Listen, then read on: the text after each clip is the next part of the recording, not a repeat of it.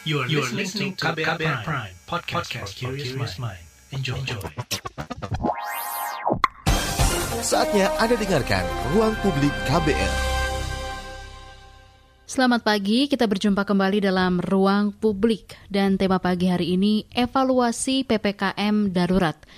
Presiden Joko Widodo Jokowi memerintahkan sejumlah hal kepada jajarannya dalam rapat terbatas evaluasi PPKM darurat yang digelar akhir pekan kemarin. Utamanya Jokowi mendorong penegakan PPKM darurat dan pemenuhan sumber daya.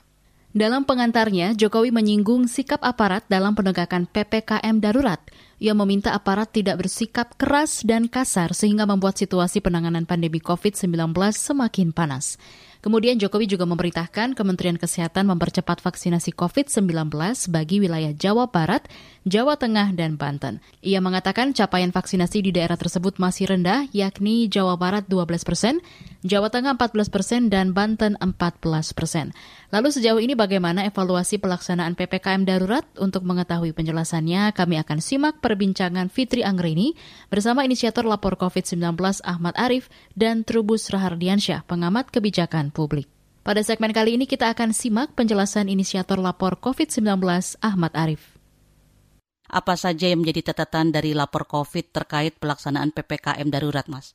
Ya, Uh, pertama-tama kalau melihat ini ya apa tuh tujuan dari ppkm darurat itu kan yang uh, terutama adalah menurunkan laju penularan ya seharusnya ya sehingga apa tuh uh, kapasitas rumah sakit itu tidak terlalu terbebani dengan terlalu banyaknya pasien ya sehingga uh, rumah sakit memiliki nafas untuk untuk menangani pasien dan uh, menurunkan kemudian implikasinya kan menurunkan resiko kematian sebenarnya. Nah, bagaimana caranya untuk menurunkan uh, laju penularan gitu? Yang dilakukan dengan PPKM itu kan seharusnya adalah pertama-tama mengurangi mobilitas penduduk kan. Jadi mobilitas penduduk harus dikurangi sehingga uh, kerumunan di, di apa tuh dilarang dan seterusnya sehingga uh, penularan itu tidak terjadi lagi gitu. Itu yang pertama. Yang kedua uh, seharusnya adalah dengan melakukan uh, tes dan lacak yang meningkat ya signifikan gitu. Kenapa tes dan lacak penting? Karena uh, semakin banyak orang yang uh, yang dites, uh, kemungkinan untuk ditemukan kasusnya kan tinggi ya, dan uh, kemudian harus segera dilacak juga. Kenapa harus dilacak? Biar uh, orang yang tertular itu segera ditemukan dan diisolasi uh, dalam artian dirawat atau dia menjalani isolasi mandiri. Nah, uh, dari dua komponen ini kami melihat sebenarnya kalau dari sisi mobilitas ya saya mungkin mengacu ke datanya teman-teman dari apa tuh uh, Facebook for Good dan Mahadatanya UI misalnya itu sebenarnya mobilitas penduduk di Pulau Jawa itu masih naik turun sebenarnya. Ada tren memang menurun tetapi uh, itu biasanya terutama terjadi di hari libur sebenarnya. Sabtu Minggu gitu. Tapi begitu hari kerja ada kecenderungan masih naik lagi. Jadi secara umum mobilitas penduduk itu memang turun tapi tidak sangat signifikan sebenarnya. Nah, uh, kemudian ini juga tercermin sebenarnya angka kasus kita ini kan masih terus naik ya.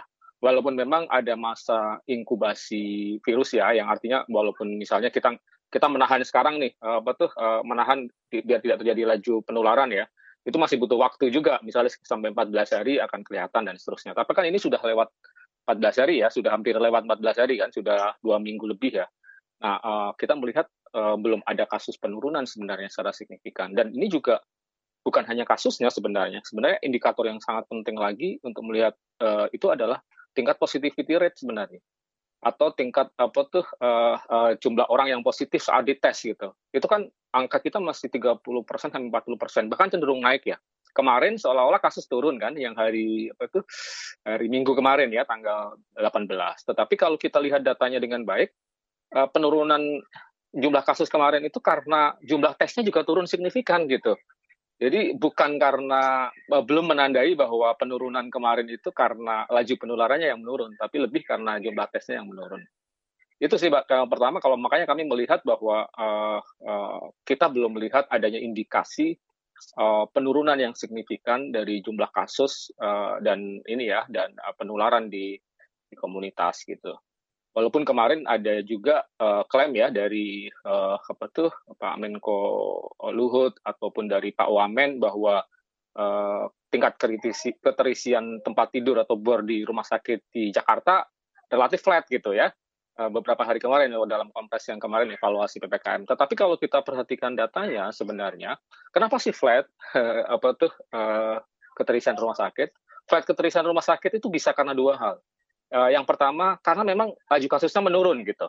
Yang kedua karena kita menambah menambahkan kapasitas tempat tidurnya gitu. Dan which itu yang dilakukan sebenarnya.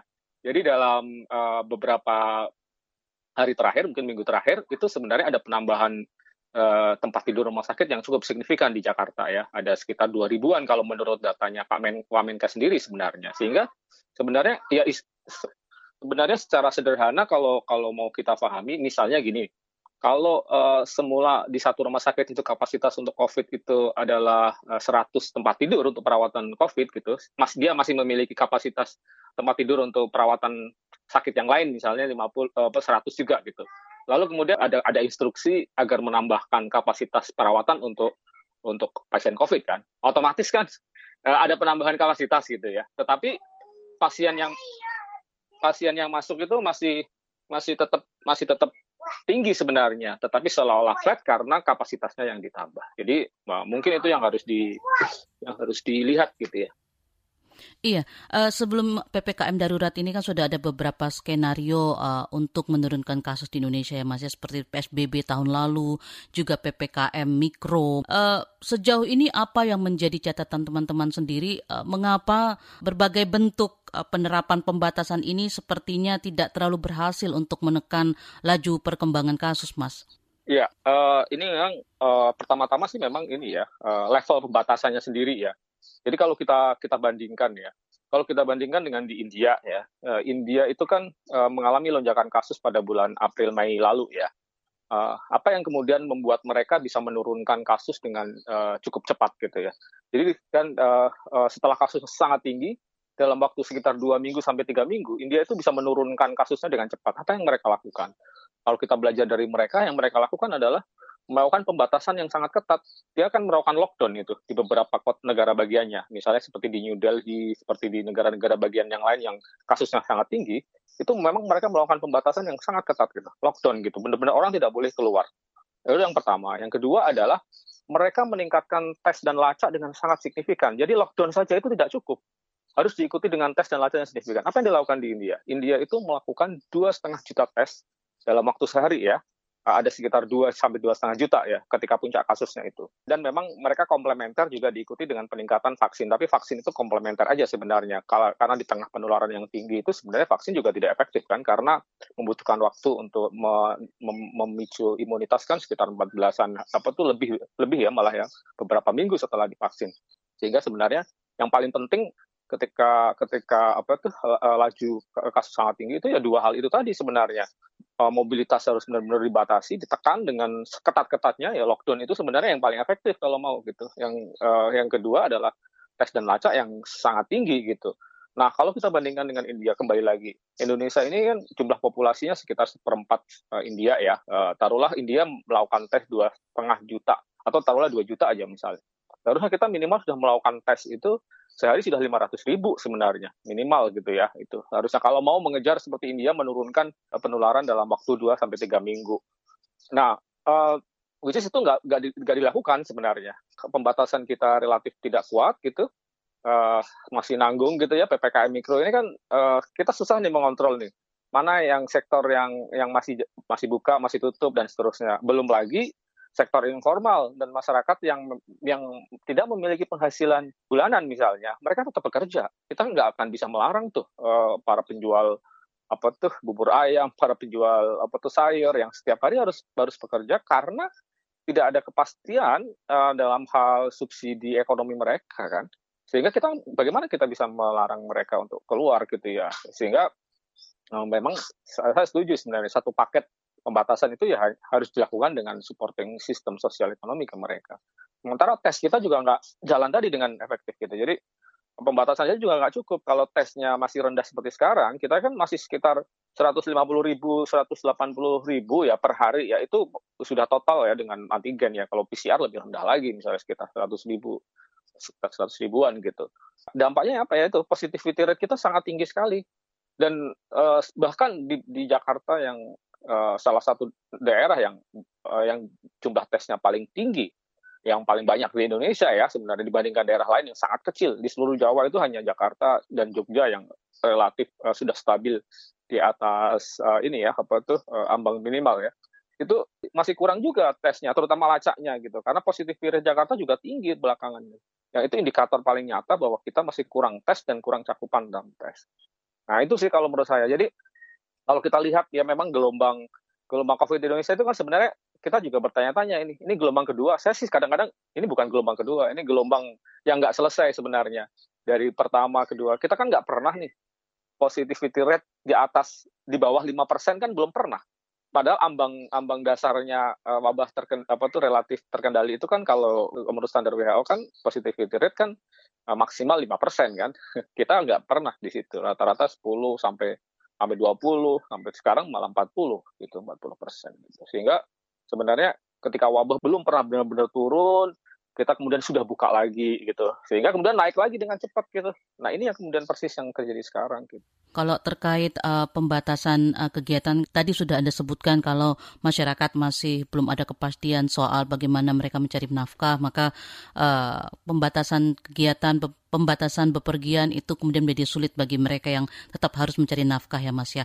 Tapi kalau soal uh, dengan tes dan lacak ini Mas, apa yang menjadi persoalan sebenarnya di kita sehingga angkanya masih belum bisa uh, relatif maksimal Mas setiap harinya?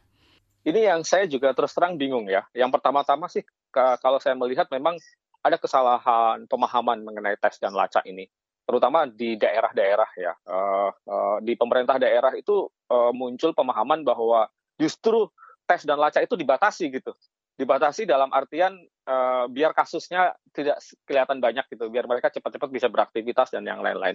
Ini banyak ditemukan di beberapa daerah yang memang tidak serius untuk melakukan tes. Tetapi juga menurut saya ini kan kebijakan sebenarnya bisa di drive dari pusat ya. Kalau pusat pusatnya sendiri menjadikan tes dan lacak itu sebagai fokus dalam dalam pengendalian pandemi sebagaimana sebenarnya semangat yang dilakukan dengan vaksin misalnya. Vaksin ini kan semangat nih iya kan? Ya, Indonesia ini vaksin cukup progresif ya, walaupun kalau kita lihat secara lebih detail ada juga ketimpangan kan, ketimpangan daerah yang banyak yang masih belum vaksin, ada juga ketimpangan lansia yang ternyata persentasenya masih sangat kecil. Tetapi kalau kita lihat secara umum, vaksin kita ini sangat semangat nih, terutama pemerintah pusat ya.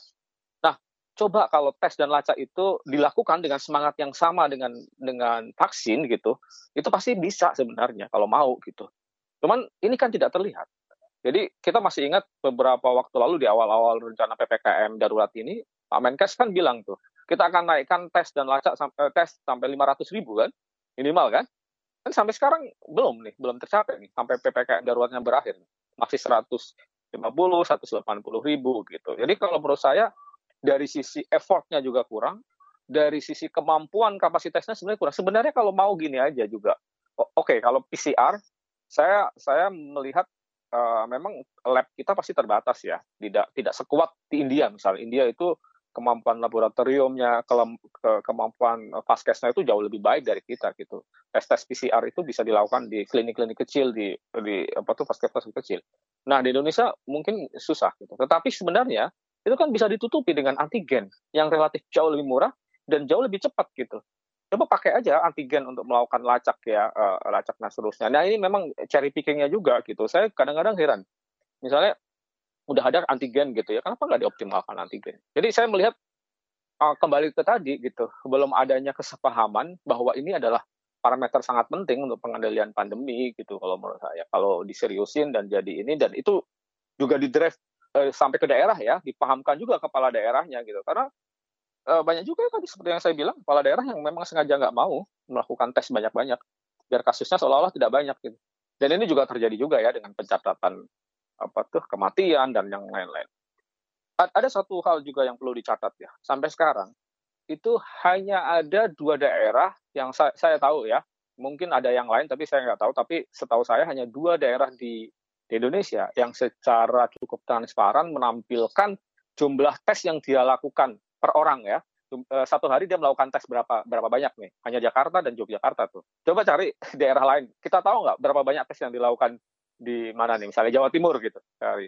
Eh, yang dilakukan di Jawa Tengah berapa banyak nih? Belum lagi di breakdown di tiap kabupaten gitu. Misalnya di kabupaten di Jawa Tengah itu setiap kabupaten melakukan tes berapa banyak gitu.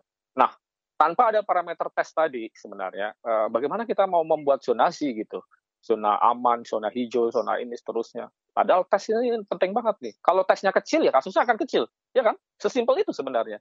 Kalau tesnya banyak, kasusnya akan ketemu banyak gitu. Sesimpel itu sebenarnya. Kalau sekarang yang dilakukan adalah justru uh, data mengenai tes tidak ada, tidak transparan, tapi kita membuat zona, zona hijau tiba-tiba gitu dan seterusnya. Nah itu yang menurut saya uh, ada yang keliru memang dalam konsep penanganan pandeminya. Jangan ke mana-mana, tetap di ruang publik KBR. Masih Anda dengarkan ruang publik KBR. Commercial break. Commercial break. Commercial break. Anda sering gelisah, tidak bisa tidur nyenyak, selalu merasa ada yang merasuki pikiran Anda. Ini bukan iklan horor atau cerita seram, tapi kalau Anda mengalami hal seperti itu, Anda pasti ketinggalan berita terupdate yang lagi ramai diperbincangkan. Gak mau kan dibilang ketinggalan berita?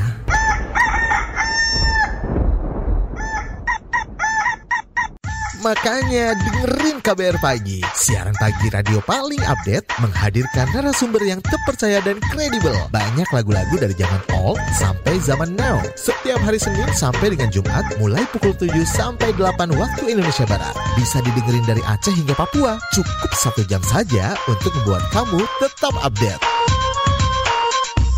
Woi, ayam siapa nih? Berisik, saya mau dengerin kabar pagi. Masih Anda dengarkan Ruang Publik KBR. Jurnalis KBR Fitri Anggreni masih berbincang bersama inisiator lapor COVID-19 Ahmad Arif. Apakah itu berarti kita membutuhkan eh, semacam aturan yang lebih kuat, Mas, untuk membuat daerah daerah-daerah juga bisa memiliki kesepahaman dengan uh, pemerintah pusat dalam penanganan COVID ini, Mas? Dan apakah itu tidak terlalu terlambat kalau kita bicara sekarang sudah lebih dari setahun uh, pandemi ini berjalan di Indonesia, Mas? Sangat terlambat memang. Jadi sebenarnya beberapa waktu lalu saya sebenarnya sempat menyimak apa yang disampaikan uh, Menkes ya dan spiritnya seperti sama seperti yang saya sampaikan tadi bahwa Menkes kemarin menyampaikan akan menjadikan indikator tes dan lacak sebagai sebagai indikator pencapaian kan? Kemarin ya tapi realisasinya ini yang butuh implementasi yang yang serius mungkin dikawal dipastiin bahwa daerah memang melakukan itu gitu. Dan juga didukung infrastrukturnya juga gitu. Karena saya dapat laporan misalnya di banyak uh, puskesmas ya uh, uh, itu mereka sudah mau kehabisan uh, regen antigennya misalnya dan yang lain-lain gitu. Jadi ya tadi seperti yang saya sampaikan, kalau effort untuk melakukan tes dan lacak ini dilakukan seserius melakukan vaksin gitu, mungkin kita bisa gitu. Masalahnya sekarang serius nggak gitu? Bener-bener bener-bener dijalankan nggak? Disupport nggak dengan sistemnya gitu? Termasuk dengan biayanya gitu? Termasuk misalnya lacak ya. Pelacakan ini kan tidak mudah nih. Uh, kita tidak mudah kenapa? Karena kita butuh tenaga yang terlatih kan untuk melacak ya. Misalnya kan kalau standar WHO itu satu kasus itu kan harus ditemukan 30 orang kontak eratnya kan dalam waktu secepat-cepatnya gitu maksimal dua kali 24 jam lah dan itu harus dilakukan gitu. Uh, kalau itu nggak dilakukan, otomatis orang yang tadi beresiko menularkan ke orang lain dan terus secara eksponensial kan. Which is itu kan masalahnya di situ gitu. Nah sekarang pernah nggak kita apa tuh serius itu? Kita ingat kan beberapa waktu lalu relawan untuk lacak aja banyak yang mundur. Kenapa? Karena nggak dibayar gitu insentifnya gitu. Sementara sekarang mau mengandalkan siapa? Mengandalkan tenaga puskesmas? Nggak mungkin, karena mereka sudah dibebani dengan tugas yang lain. Mulai dari vaksin, dan bahkan banyak tenaga kesehatan yang yang terpapar juga kan. Sehingga uh, terobosannya apa? Ya terobosannya harus diseriusin gitu. Mencari tenaga, relawan, dan dibayar misalnya. Atau kalau enggak, mengerak kalau di Singapura ya dan beberapa negara lain saya perhatikan mereka menggunakan uh, aparat keamanan juga ya kayak reserse dan yang lain-lain. Walaupun mungkin di Indonesia ini tidak serta merta semudah itu karena bisa jadi uh, apa tuh akan ada resistensi ya. Misalnya orang malah justru lari kalau yang dilacak apa tuh yang datang adalah aparat gitu. Tapi mungkin yang bisa adalah melakukan mengerahkan relawan relawan relawan level RT RW dan seterusnya yang sebenarnya lebih mengenal masyarakat desanya gitu kalau itu dilakukan dan mungkin diberikan insentif misalnya kepada mereka gitu karena ada resiko juga kan mau melacak ini kan dia juga harus dibekali hazmat dan yang lain-lain misalnya pakaian apa tuh APD dan dan yang lain-lain karena kan dia bisa terpapar juga gitu. Dan itu menjadi persoalan juga di Indonesia ketika para insentif para nakes juga masih ya. tertunggak ya, ya Mas ya? Betul betul bahkan insentif nakesnya sendiri itu masih tertunggak. Saya tadi barusan uh, tadi pagi ya ada dapat laporan dari teman-teman nakes di Jawa Timur itu. Mereka masih belum dibayar tuh sejak September Oktober tahun lalu tuh. Bayangin sampai sekarang gitu. Bagaimana mereka kemudian disuruh kerja yang sekarang uh, beresiko dan beban yang sangat berat seperti sekarang gitu. Itu nggak fair sekali gitu kalau menurut saya. Nah, skenario nya Mas, dengan kasus saat ini kan masih meningkat, mungkin bisa dikatakan PPKM daruratnya belum berjalan efektif. Sekiranya diperpanjang, apa yang perlu dibenahi supaya uh, pemberlakuan PPKM darurat ini bisa seefektif mungkin menekan laju kasus dan juga uh, angka kematian, Mas? Ya, yang yang pertama-tama kalau kita mau menekan angka kematian, ya uh, apa itu, vaskes harus diperkuat kan. Uh, artinya vaskes diperkuat, Eh, jangan sampai pasien ini melebihi kapasitas. Ya. Dan untuk itu ya apa tuh eh, faktor faktor penambahan tempat tidur, penambahan kepastian, termasuk kita belum bicara mengenai oksigen ya, krisis oksigen, krisis obat-obatan, itu penting banget gitu. Tapi itu di sisi hilir gitu. Ini penting tapi di sisi hilir dan memang harus dilakukan. Tapi yang paling penting kalau menurut saya ya uh, adalah uh, apa tuh uh, cegah penularan dari hulunya gitu. Karena kalau tidak, yang akan terjadi itu seperti kita menampung banjir dengan ember gitu, pasti akan meluber gitu. Apalagi kita belum bicara nih uh, wabah kalau sudah menguat di wilayah-wilayah yang vaskesnya lebih minim, dan ini sudah mulai terjadi. Coba deh lihat uh, angka-angka penularan dan di desa-desa. Ini sudah mulai terjadi. Saya dapat banyak laporan uh, ada desa-desa, ini bahkan desa-desa di Jawa yang angka kematian ya itu sudah melonjak tinggi, tapi orang selain enggan uh, selain apa itu memang fasilitas kesehatan juga penuh, masyarakat tidak mau ke rumah sakit. Kenapa? Karena mereka takut itu uh, hoax di COVID kan dan yang lain-lain yang itu selama berbulan-bulan pandemi itu kita biarkan gitu. Dan bahkan uh, misinformasi mengenai itu gitu ya.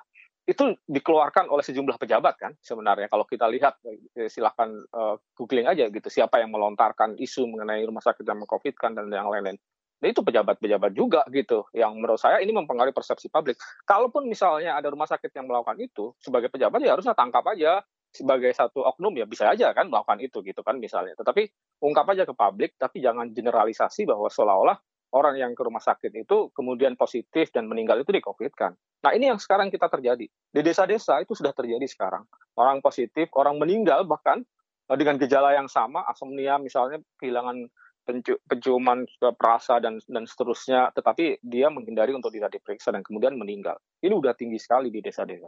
Dan kita belum bicara nih, bagaimana kalau kemudian wabah juga menguat dan ini udah ter, udah udah terjadi ya. Laporan kemarin WHO yang terakhir ya tanggal berapa tuh 14 atau 15 Juli kemarin menunjukkan ada lonjakan kasus di kota-kota di luar Jawa gitu.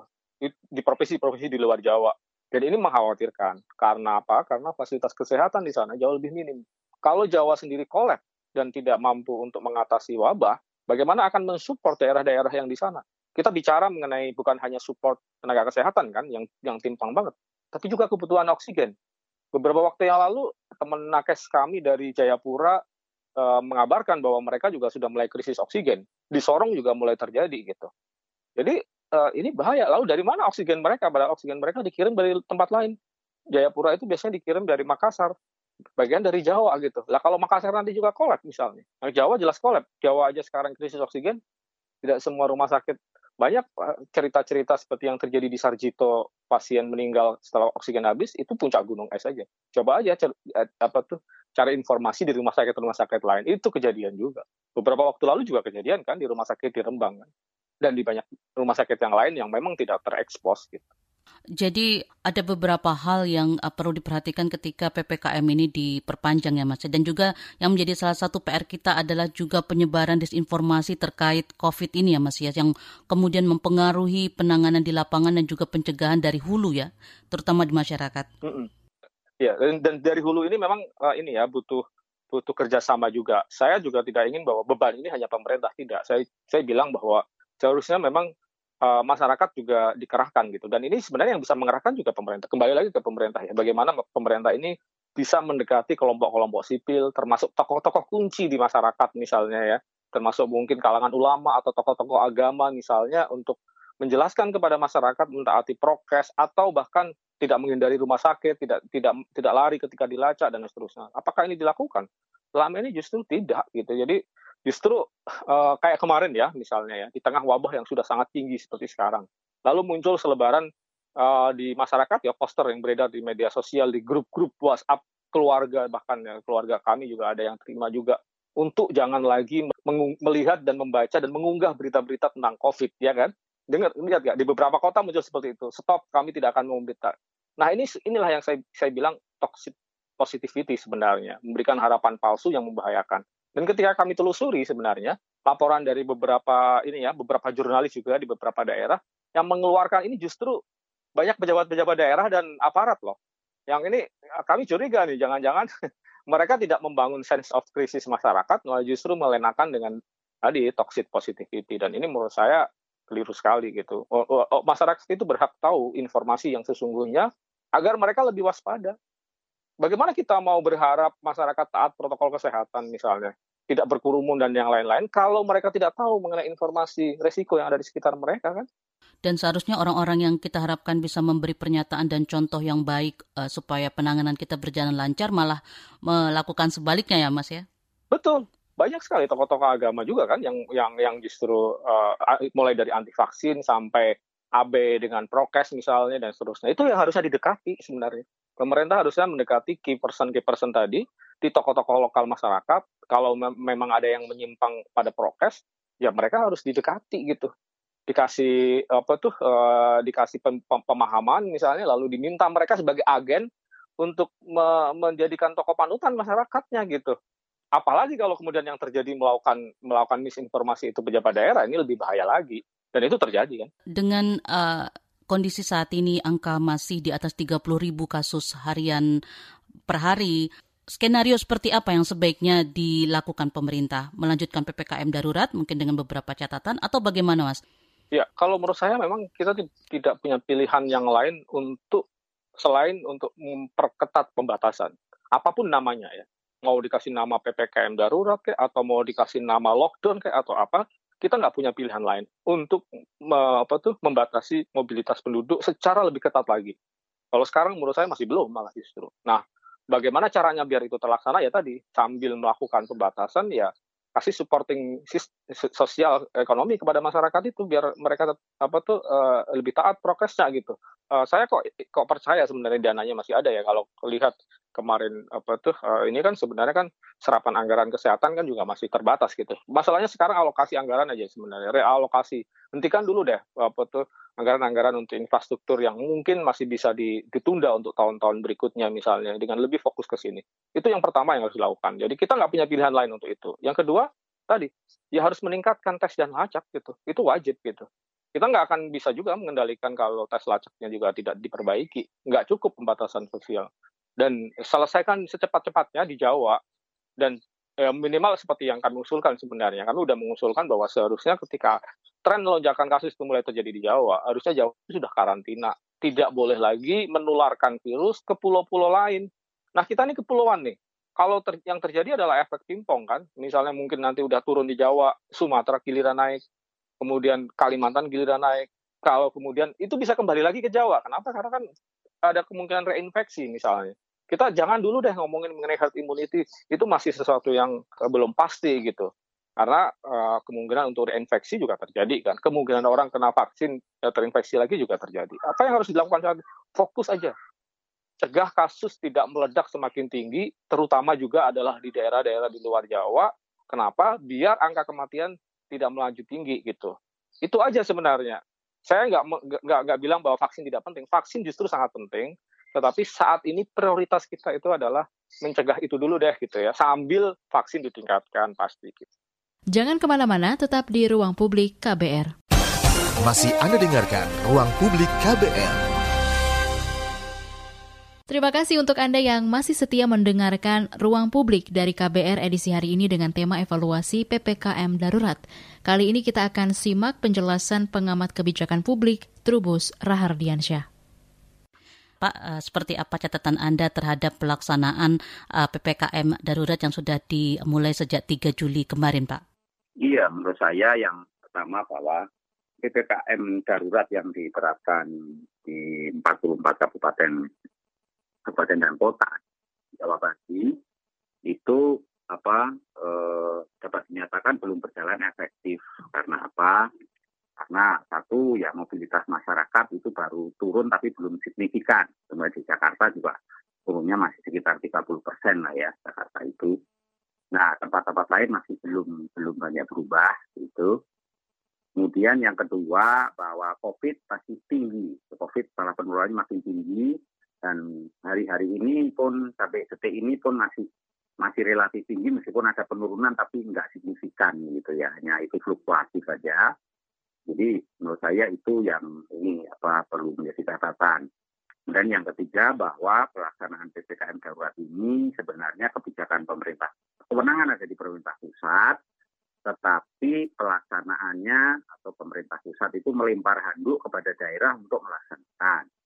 Nah, dalam melaksanakan itu pemerintah daerah itu ada yang sungguh-sungguh melaksanakan, ada yang apa setengah hati juga ada, ada yang ogah-ogahan juga ada, gitu ya, tidak terlalu serius. Gitu. Nah, jadi itu kenapa? Karena satu daerah itu dihadapkan oleh masalah anggaran. Jadi tidak semua daerah itu punya anggaran. Bagaimana yang dimaksud dalam instruksi Menteri Dalam Negeri nomor 15 tahun 2021 itu tentang PPKM darurat itu kan pemerintah daerah diminta untuk melakukan refocusing atau pemangkasan anggaran. Tetapi dalam prakteknya, dalam implementasinya, kepala daerah banyak yang bingung. Kenapa bingung? Karena ketika dia apa kepala daerah mau melakukan refocusing atau pemangkasan, itu ternyata tidak mudah. Itu butuh proses yang panjang. Karena apa? Karena harus menelusuri, ya kan, melakukan tracing. Ini apa program-program mana yang perlu dipangkas atau refocusing. Di satu sisi juga mereka apa kepala daerah ya dalam hal mengasalah refocusing masalah anggaran kan harus berkoordinasi atau konsultasi dengan dewan DPRD kan gitu. Ini ini kesalahan di situ beratnya masalahnya di situ. Yang kedua itu dari sisi ini apa SDM. Jadi pemerintah daerah itu kesulitan dalam SDM khususnya SDM dalam hal nakes tenaga kesehatan. Karena banyak juga kepala apa di daerah-daerah itu juga nakesnya juga jadi korban banyak yang sudah meninggal gitu ya. ya jadi ini mereka dihadapi oleh kesulitan itu. Nah ketiganya adalah persoalan ini fasilitas kesehatan. Seperti ketahui di daerah-daerah itu fasilitas kesehatannya eh, rata-rata nggak memadai gitu loh. Jadi kalau mau pelayanan optimal juga sulit, apalagi kemudian terjadi ledakan apa outbreak dari apa terpapar COVID-nya banyak banget gitu kan. Horor lah istilahnya. Jadi uh, sampai ratusan kali nah itulah kemudian mereka daerah kesulitan melaksanakan. Kemudian yang penting juga di dalam penanganan COVID ini sebenarnya ada dua hal yang pokok ya. Satu soal kebijakan publik itu kebijakan publiknya. Kemudian yang kedua adalah perilaku masyarakat. Nah kebijakan publiknya kita sudah menetapkan bahwa PPKM darurat. Karena PPKM darurat yang dipilih, maka bagaimana mengatur tentang perilaku masyarakat dalam hal ini mobilitas karena mobilitas itulah tempat terjadinya penularan COVID. Nah, karena perilaku masyarakat itu tidak hanya ini apa hanya individu perorangan, nah itu individu itu perilaku individu itu perorangan. Saya sendiri misalnya perorangan, nah, tapi ada perilaku yang disebut istilah institusional, istilah itu kelembagaan. Nah, ada perilaku misalnya kayak perusahaan, kayak kementerian, pemda, macam-macam lah itu banyak ya. Mereka-mereka ini banyak juga perusahaan-perusahaan itu yang mewajibkan karyawannya masuk. Maka di situlah kemudian apa banyak karyawan yang terpaksa masuk kan gitu harus kerja karena kalau tidak kerja ya nanti diberhentikan dipecat kan gitu. Nah ini kan menyebabkan terjadilah apa namanya mobilitas masih tinggi gitu loh. Meskipun di dalam instruksi Menteri Dalam Negeri nomor 15 itu ada sektor-sektor yang beroperasional diperbolehkan dan ada sektor-sektor yang tidak diperbolehkan atau disebut sektor apa non esensial. Nah, secara esensial ini memang 100%. Tetapi dalam prakteknya daerah itu bingung. Banyak juga apa namanya eh, kebingungannya itu adalah menentukan apakah ini kategori esensial atau bukan non esensial gitu. Jadi itu menjadi masalah. Karena apa? Karena Ambil contoh misalnya aturan yang ada itu hanya menyebutkan sektornya saja, misalnya sektor keuangan. Tapi sektor keuangan itu terdiri apa saja? Nah, ternyata misalnya kayak asuransi, asuransi ternyata masuk keuangan. Nah itulah kemudian apa menjadi sulit kan nah, di lapangan itu kemudian banyak sektor-sektor pasar tradisional pasar ini jadi sulit sekali mbak di dalam apa menentukan apa namanya sektor-sektor itu di satu sisi juga yang begitu tepatnya itu adalah persoalan ini petugas PPKM jadi petugas PPKM itu ada yang memahami ada yang nggak memahami kan gitu. Jadi makanya di selama hampir hampir dua minggu ini pelaksanaan program darurat itu ternyata apa e, banyak terjadi benturan gitu. Banyak terjadi benturan dengan masyarakat ada yang terjadi perlawanan bahkan terjadi aksi kekerasan atau arogansi baik yang dilakukan oleh apa petugas PPKM maupun oleh masyarakat itu sendiri yang melakukan perlawanan melakukan apa perusakan-perusakan seperti di Lumajang itu jadi itu adalah satu contoh-contoh di mana kemudian e, pemahaman tentang bulan darurat itu evaluasi seperti itu mbak. Jadi bisa dikatakan uh, sinergitas antara instruksi dari pemerintah pusat dan pelaksanaan di daerah itu yang masih menjadi uh, persoalan ya Pak ya? Iya, masih persoalan. Apalagi sekarang dengan ditambahnya 15 kabupaten kota di luar Jawa Bali, Mbak. Itu lebih berat lagi. Karena apa? Karena uh, di samping memang wilayahnya makin luas, juga di mana koordinasi, kerjasama maupun apa nama kolaborasi ini menjadi kendala tersendiri. Karena apa? Karena dalam prakteknya pemerintah kan mempercayakan di dua orang yaitu yaitu Pak Luhut untuk Jawa Bali dan di luar Jawa adalah Pak itu Pak Elangga Hartanto. Nah itu kesulitan karena apa? Karena mereka kepala daerah kepala daerah ini apa e, secara hierarkis tidak di bawah e, ini kementerian itu gitu loh Mbak. Kenapa kalau Pak Erlangga Hartanto kan Menko Perekonomian, kalau Pak Luhut itu Menko Invest kan gitu. Jadi nggak nggak berkaitan langsung bagaimana seorang menteri yang bukan bidangnya istilahnya memberikan ini koordinasi melakukan koordinasi dengan dengan kepala daerah. Taruhlah misalnya Pak Luhut mau mau koordinasi dengan Gubernur Anies kan ini nggak ini mbak. Jadi nggak nggak connect kan gitu. Jadi leading sektornya kan di Kementerian Kesehatan mbak. Jadi harusnya Menteri Kesehatan itu. Jadi itu mbak.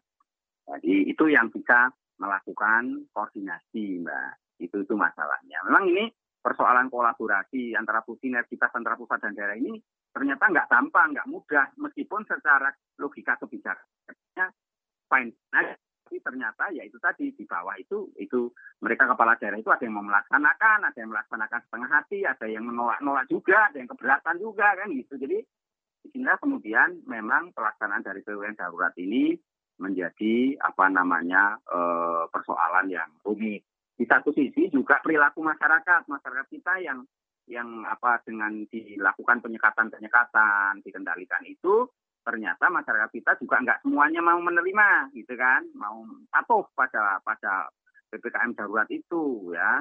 Di antara mereka banyak yang menolak. Bahkan ada yang demo ada yang lawan ada yang menulis surat juga ada kepada presiden supaya ini. Karena itu semuanya menunjukkan bahwa masyarakat kita memang cukup cukup heterogen ya. Cukup heterogen di mana kemudian terkait dengan ppkm darurat ini memang tidak tersosialisasikan dengan baik. Jadi karena kebijakannya terburu-buru ya belum ter terkomunikasikan dengan ini masalah kan masalah komunikasi publik nih mbak. Jadi komunikasi publiknya itu nggak jalan itu jadi masalah kan itu. Jadi apa yang disampaikan Pak Presiden benar Pak Presiden mengatakan kebijakan dulu sebelum sebuah ppkm darurat disampaikan kebijakan darurat diputuskan itu mengatakan dengan jelas itu Pak Presiden bahwa kita sudah banyak membuat kebijakan tapi di bawah nggak jalan gitu kan karena nggak jalan ya otomatis apa eh, nggak e, bisa nggak bisa efektif. Nah untuk efektifnya sebenarnya ditentukan oleh satu yaitu tentang pengawasan yang ketat kan harusnya pengawasannya lebih ketat lagi tuh.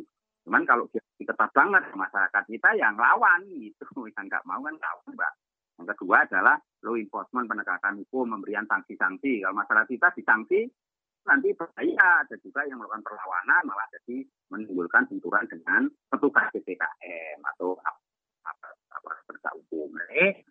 Jadi catatan di mana kemudian aparat penegak hukum yang tidak sabar yang terjadi arogansi aksi kekerasan. Menurut saya ini apa menjadi indikasi memang persoalan PPKM darurat ini di dalam law enforcementnya juga tak mudah mbak. Jadi dalam situasi masyarakat yang istilahnya lapar. Nah, satu sisi kebijakan PPKM darurat ini ada kelemahannya.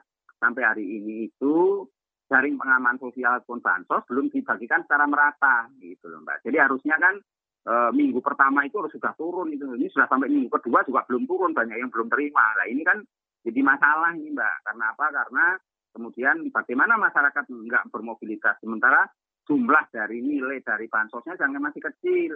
Jangan ke mana-mana, tetap di ruang publik KBR. Masih Anda dengarkan Ruang Publik KBR. Commercial break. Commercial break. Commercial break. Transfer ke sini udah, bayar ini juga udah. Ke gue udah. Heh, Allah, pertumbuhan ekonomi tuh lagi melambat, persis kayak tabungan gue. Betul banget. Harus matang ngelola keuangan. Pengennya tuh investasi sesuatu gitu ya. Apa gitu yang cocok dan menguntungkan? Hmm, coba dengerin uang bicara deh. Gue belakangan lagi dengerin podcast itu di KBR Prime.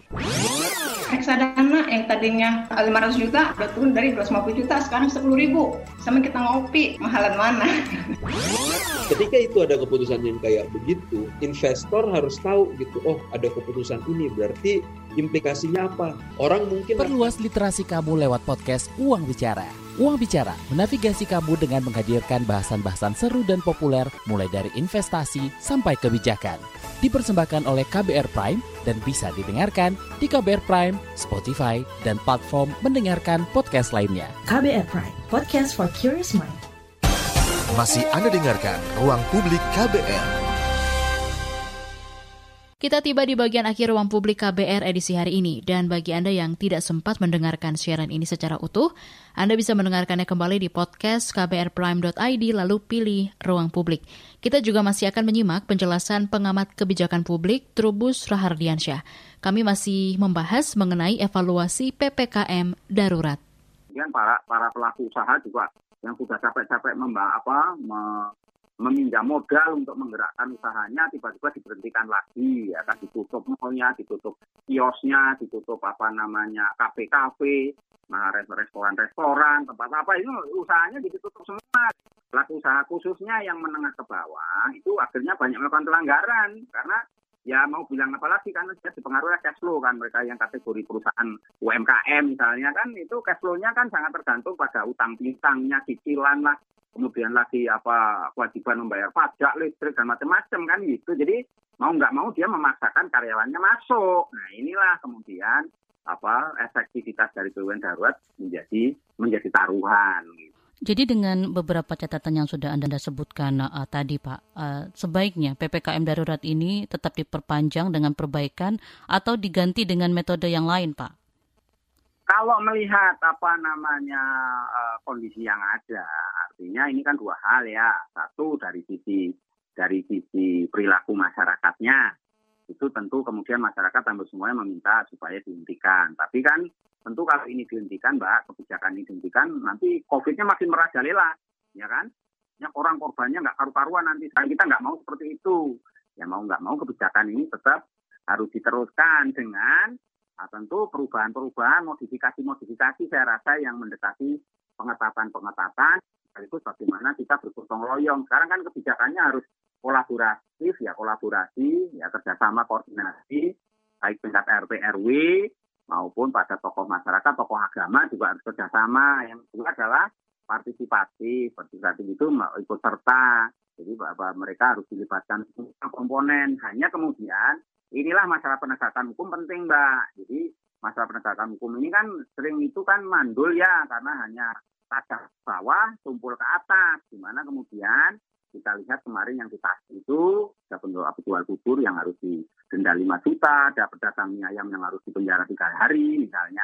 Itu itu diterapkan, tapi di, di banyak kita pejabat-pejabat, elit-elit, menteri-menteri itu pada melanggar itu PPKM darurat, ada jalan-jalan ke luar negeri, ada yang ini nggak ada sanksi apa-apa, Mbak. Nah itu jadi masalah gitu loh. Jadi mereka banyak anak-anak pejabat itu foya-foya di ini juga banyak, ya nggak ada yang menindak apa pun nggak ada. Itu itu sebagai sebagai contoh di mana kemudian penegakannya memang menjadi masalah. Meskipun kita nggak boleh menyebut satu-satu kan, tetapi itu yang menurut saya memang persoalan penegakan hukum ini menjadi rumit, Mbak. Jadi rumitnya itu kalau terlalu keras menjadi arogan, kekerasan, tapi kemudian kalau terlalu lembek, terlalu longgar, masyarakatnya jadi seenaknya saja, jadi kurang ajar dan nggak efektif. Akhirnya COVID-nya merajalela juga. Nah ini kita ini semuanya sebenarnya menyadari harus memang dibangun yang namanya kesadaran publik, Mbak. Di kesadaran publik itu bagaimana publik menyadari bahwa kita menghadapi perang, bencana ini, bencana COVID ini bukan main-main, sekarang ini horor bener gitu ya. Yang korbannya mati sudah banyak ribuan, tapi ya masyarakat kita ya seperti itu lebih baik apa namanya apa kena COVID daripada nggak makan. Nah ini juga harus dilakukan edukasi mbak. Jadi edukasinya memang harus terus menerus ya. Depan memang harus dilakukan perpanjangan. Nah, perpanjangannya ya apa ya? Tentu dengan modifikasi satu penegakannya penegakan hukumnya harus di, lagi. Harus di ditegas lebih tegas lagi. Tapi disesuaikan dengan konteksnya ya. Konteks dan ruang lah. Paling tidak kalau misalnya mereka itu kategori yang nurut ya udah dikasih sanksi aja. Sanksinya kan bisa sanksi sosial sanksi pidana ataupun sanksi denda kan gitu. Tapi untuk pidana ya jangan sebenarnya. Tapi apa yang terjadi ya kalau memang perlu masyarakat yang lawan, warganya yang di yang diingatkan itu melawan ya perlu didenda edukasi ini ya kan pidana gitu. Jadi supaya ada ada jerah. Jadi itu penting. Yang kedua adalah tentang pengawasan yang ketat. Bagaimana mengawasi secara ketat, Mbak, gerak masyarakat ini mobilitasnya diperketat semua gitu. Ini memang dua hal pengawasan dan penegakan hukum menjadi seperti apa koin mata uang itu. Jadi harus mereka jalan bareng. Tadi sempat Anda hmm. sebutkan juga soal uh, sosialisasi ya Pak ya dan salah satu uh, tantangan di uh, penuntasan uh, penyebaran COVID ini juga adalah disinformasi dan misinformasi yang beredar di masyarakat Pak. Jauh apa Anda melihat upaya pemerintah untuk menghalau misinformasi dan disinformasi ini supaya membuat masyarakat uh, bisa mengikuti apa yang sudah menjadi aturan pemerintah, Pak? Informasi itu banyak sekali uh, tidak tidak tersampai ke masyarakat. Misalnya ppkm darurat itu masih banyak masyarakat belum tahu itu, ya. Jadi itu ya harusnya tetap harus dilakukan. Uh, ya satu ya tentu informasi ya kan, kemudian istilahnya informasinya harus disampaikan. Yang kedua edukasi kepada masyarakat itu kan harus harus dilakukan, Mbak. Jadi itu yang apa utama supaya mereka menginformasi kedua. Yang kedua ini memang banyak sekali yang melakukan berita hoax itu, Mbak. Jadi berita bohong itu banyak tuh ya di berseliweran di di medsos itu yang menyebabkan mempengaruhi masyarakat. Di satu sisi juga banyak para elit kebijakan itu menterinya bicara yang satu bicara begini, menteri yang satu bicaranya begini. Jadi masyarakat jadi bingung. Menteri satu mengatakan diperpanjang, menteri satu mengatakan tidak diperpanjang, kan gitu. Ya, itu juga bingung masyarakat. Ada ekosektoral, ah, nggak harmonis antar kementerian dan lembaga. Nah, akhirnya terjadi penolakan. Ini kan semuanya jadi informasi tentang penanganan darurat ini di masyarakat jadi riuh, gaduh gitu kan. Karena informasinya itu beda-beda itu Mbak. Memang ciri khas kebijakan top down, kebijakan PPKM darurat itu kan top down Mbak, dari atas ke bawah. Itu hampir semuanya memang dipaksakan. Jadi masyarakat itu informasi itu minim Mbak. Gitu. Jadi apalagi kita aparat kita itu kan umumnya aparat-aparat ini bukan aparat penegak hukum bukan. Itu apa namanya perangkat-perangkat di daerah itu kan nggak jalan itu mbak. Jadi kepala daerah di bawahnya ada perangkat kepala dinas kepala dinas itu kan harusnya seluruh S itu bisa mereka itu digaji oleh negara tapi mereka itu banyak yang nyantai-nyantai yang santui-santui nongki-nongki doang ya. makanya pemerintah seperti apa menutupin itu semua nggak mau melibatkan mereka nah Bagaimana kemudian menggerakkan RT RW untuk ini kan partisipasi itu. Jadi cuman masalahnya itu RT RW itu kan bukan struktural Mbak. RT RW itu kan sifatnya sosial ya. Nah itu yang penting itu adalah kepala desa, kelurahan. Karena yang ada itu dana desa dan dana kelurahan, dana RT RW nggak ada Mbak gitu ya. Jadi RT jabatan RT RW itu hanya menjabat sifatnya sosial karena ada seseorang RT itu punya pekerjaan lain, punya pekerjaan pokok. Kalau jadi RT itu ya nggak makan kan gitu dari mana? Nah, sekarang RT RW didorong-dorong supaya mereka melakukan lockdown, lah, melakukan pembatasan. Lah. RT RW anggarannya dari mana? Duitnya dari mana? Lah itu yang terjadi seperti itu, Mbak. Jadi akhirnya ya masyarakat EGP emang gue pikirin kan gitu. Jadi inilah kemudian penularan COVID-nya makin merajalela terus. Jadi kita nggak habis-habis ini udah udah satu setengah tahun sampai kapan kayak gini terus tambah sementara satu sisi ada varian COVID-nya nambah lagi. Wih, itu semuanya nggak mungkin ditangani dengan kebijakan yang selama ini dilakukan harus mengubahnya karena apa? Karena penularannya 10 kali lebih cepat dari yang biasa. Jadi kebijakannya memang mau nggak mau harus tegas lagi mbak karena kalau tidak mereka-mereka yang isoman, mereka-mereka yang harus dilayani fasilitas kesehatannya nggak cukupi, di, di ini harga obat mahalnya nggak kira-kira obat juga langka, ya oksigen juga langka. Lah ini semuanya menjadi masyarakat jadi bingung mas karena kemari ada kemudian berita hoax itu juga membuat kemasannya itu dipolitisasi lagi kemudian apa seolah ppkm darurat ini nggak efektif ppkm darurat ini juga nggak ada gunanya, nggak ada manfaatnya, pemborosan uang negara, macam-macam lah itu. Kemudian masyarakatnya makin makin abai terhadap protokol kesehatan. Di situlah penularan makin menggila, Mbak. Itu menjadi seperti itu. Demikian ruang publik KBR pagi ini dengan tema evaluasi PPKM darurat. Terima kasih untuk kebersamaan Anda pagi ini. Saya Naomi Liandra undur diri. Salam. Baru saja Anda dengarkan Ruang Publik KBR. KBR Prime, cara asik mendengar berita. KBR Prime, podcast for curious mind.